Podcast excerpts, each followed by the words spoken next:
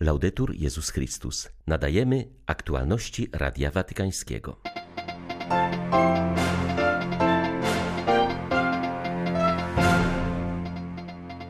W trzecim dniu swojej podróży apostolskiej papież Franciszek przybył do Aten. W przemówieniu skierowanym do greckich władz zaznaczył, że bez Aten i Grecji Europa i świat nie byłyby tym, czym są, byłyby mniej mądre i szczęśliwe.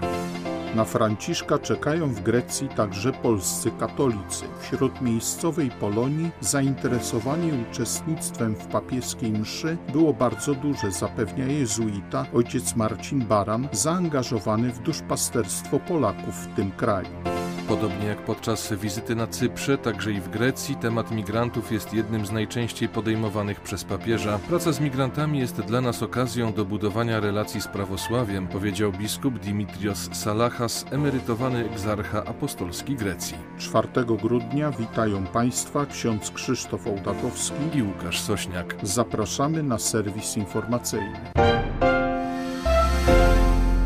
Po wizycie na Cyprze papież Franciszek rozpoczął drugi etap swojej podróży apostolskiej. Krótko po godzinie 10 papieski samolot wylądował na lotnisku w Atenach, gdzie Franciszka przywitał m.in. nuncjusz apostolski w tym kraju arcybiskup Savio Hontaifai oraz arcybiskup Aten jezuita Theodoros Kondidis. Następnie Ojciec Święty spotkał się w budynku lotniska z ministrem spraw zagranicznych Grecji. Po powitaniu Franciszek pojechał do pałacu prezydenckiego na spotkanie z głową państwa i szefem Rady Ministrów.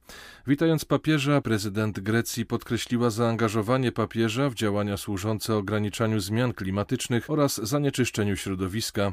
Zwróciła także uwagę na inicjatywy Ojca Świętego na rzecz rozwiązania kryzysu migracyjnego i uchodźczego.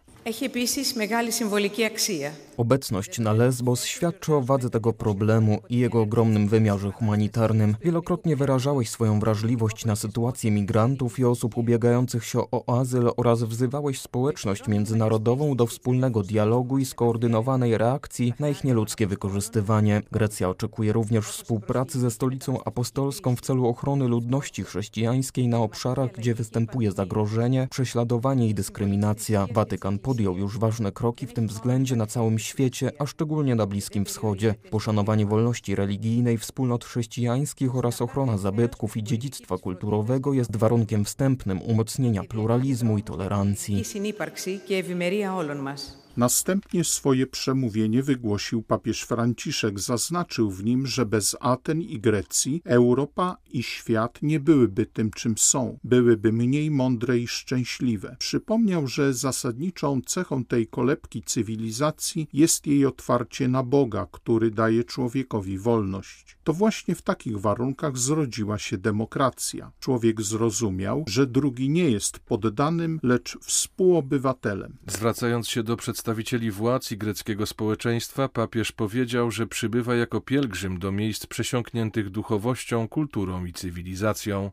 Przyznał, że jego wzrok przyciąga najwyższa część miasta, Akropol, widoczny z daleka dla podróżników, którzy przybywali tu przez tysiąclecia, stanowił nieodłączne odniesienie do boskości. Do dziś wzywa on do poszerzenia perspektyw w stronę tego, co wysokie, powiedział papież. Od Olimpu przez Akropol aż po górę Atos, Grecja zachęca ludzi wszystkich epok, aby kierowali swoją podróż życiową ku temu, co w górze, ku Bogu, ponieważ potrzebujemy transcendencji, aby być prawdziwie ludźmi. I podczas gdy dzisiaj na Zachodzie, który stąd się wywodzi, istnieje skłonność do lekceważenia potrzeby nieba i nienasyconej zachłanności odczłowieczającego konsumpcjonizmu, to te miejsca zapraszają nas do zadziwienia się nieskończonością, pięknem istnienia, radością wiary. Tędy przechodziły drogi Ewangelii, łączące wschód i zachód, miejsca święte i Europę, Jerozolimę i Rzym. Te Ewangelie, które aby nieść światu dobrą nowinę o Bogu miłującym człowieka, zostały spisane w języku greckim, nieśmiertelnym języku, którym słowo logos posłużyło się, aby wyrazić siebie w języku ludzkiej mądrości, który stał się głosem mądrości Bożej. Franciszek zwrócił następnie uwagę na drugi aspekt cywilizacji greckiej, wynikający z jej wrażliwości na godność drugiego człowieka. Tutaj, zgodnie ze znaną wypowiedzią Sokratesa, ludzie zaczęli czuć się obywatelami nie tylko miasta i kraju, lecz także całego świata. Obywatelami, bowiem tu człowiek uświadamia sobie, że jest zwierzęciem politycznym i będąc częścią wspólnoty, widzi w innych nie poddanych, lecz obywateli, z którymi winien wspólnie organizować polis. To tutaj narodziła się demokracja. Kolebka ta tysiące lat później stała się domem, wielkim domem narodów demokratycznych. Nie można jednak nie zauważyć z niepokojem, że demokracja obecnie podupada, nie tylko na kontynencie europejskim. Demokracja wymaga udziału i zaangażowania wszystkich, a zatem wymaga wysiłku i cierpliwości.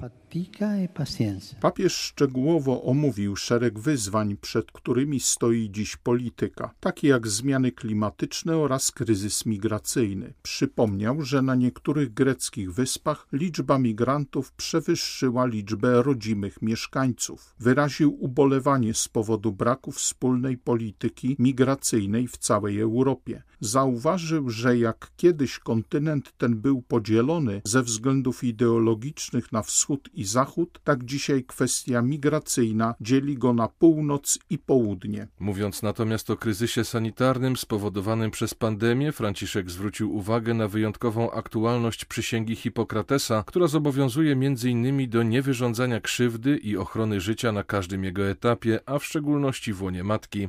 Zawsze należy dawać pierwszeństwo prawu do opieki i leczenia dla wszystkich, aby najsłabsi, a zwłaszcza osoby starsze, nigdy nie byli odrzucani. Prawem jest bowiem życie, a nie śmierć, którą należy przyjmować, ale nie wolno jej zadawać, powiedział papież.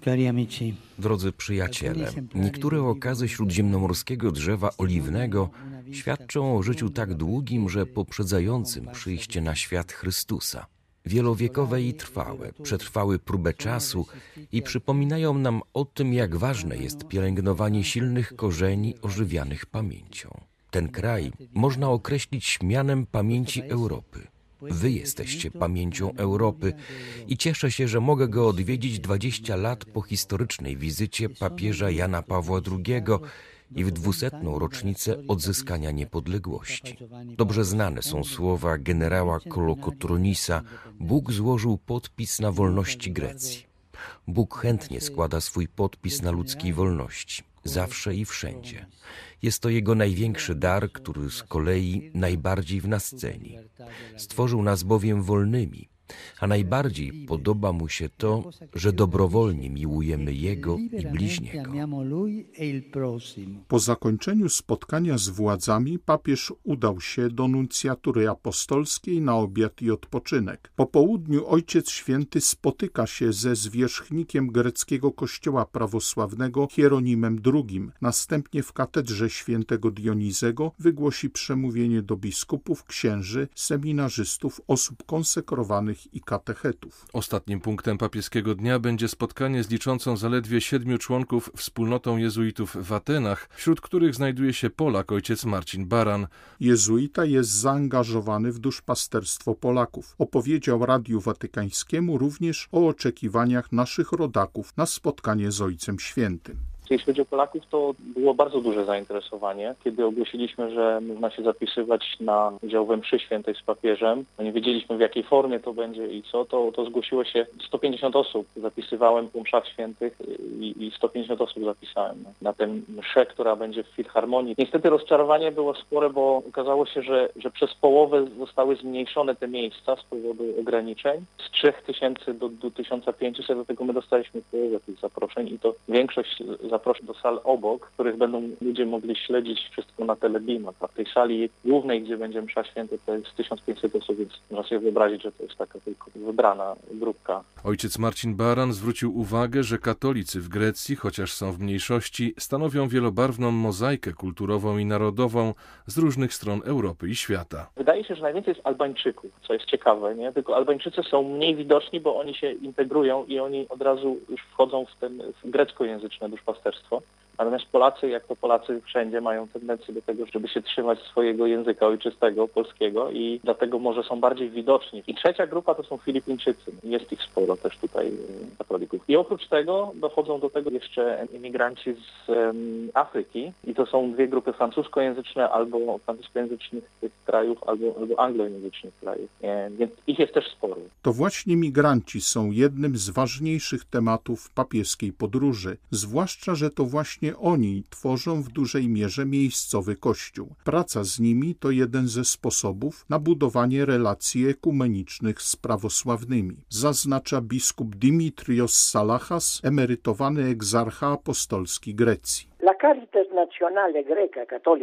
Grecka Caritas, wspierana oczywiście przez organizacje z innych krajów, prowadzi intensywną działalność mającą na celu zaspokojenie wielorakich potrzeb tysięcy imigrantów, którzy codziennie przybywają do Grecji, często w tragicznych warunkach. Wszyscy wiemy, że Morze Śródziemne stało się cmentarzyskiem dla tysięcy ludzi. Tak więc, gdy papież po raz drugi przybędzie na Lesbos, by spotkać się z uchodźcami, ponownie zaapeluje o braterstwo i solidarność do wspólnoty międzynarodowej. Lesbos jest oczywiście symbolem dla całego świata. Takie jest też symboliczne, ale i rzeczywiste znaczenie obecności papieża na Lesbos.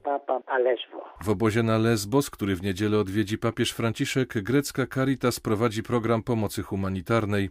Ojciec Święty odwiedzi jednak inny obóz niż ten, który widział podczas swojej ostatniej podróży na wyspę pięć lat temu, uważa dyrektor projektu Caritas Hellas Anastasia Spiliopoulou. Pierwszy obóz spłonął w zeszłym roku, pozostawiając uchodźców i migrantów bez żadnego schronienia. Członkowie kościoła, wolontariusze, pracownicy organizacji pomocowych i sami uchodźcy są podekscytowani przyjazdem papieża, mówi Anastazja Spiliopoulou. To dla nich okazja, by podzielić się swoimi doświadczeniami i porozmawiać z osobą, która pokazała, że głównym priorytetem jest zbliżenie ludzi i rozwijanie więzi między wszystkimi osobami, niezależnie od pochodzenia, religii narodowości. Sytuacja uchodźców powinna pozostać w centrum uwagi, ponieważ migracja jest ciągle nierozwiązaną kwestią, a w nadchodzących latach ruch będzie się nasilał. Biorąc pod uwagę nasze doświadczenia z ostatnich lat, wierzymy, że kluczowe jest skupianie się na kwestiach, które nas łączą. Jak to ujął Franciszek, jest to okazja do naszej własnej odpowiedzi, która musi być wyartykułowana w czterech przymiotnikach: przyjąć, chronić, promować i integrować. Wykonując swoją pracę każdego dnia, Caritas Hellas dokłada wszelkich starań, by zastosować je w swojej misji i ważne jest, aby Grecja i Europa jako całość również skupiły się na tych czterech czasownikach. Ojcu Świętemu zależy, aby te cztery czasowniki nie pozostały jedynie w sferze idei, dlatego już podczas swojej pierwszej wizyty na Lesbos zabrał ze sobą do Rzymu kilku migrantów.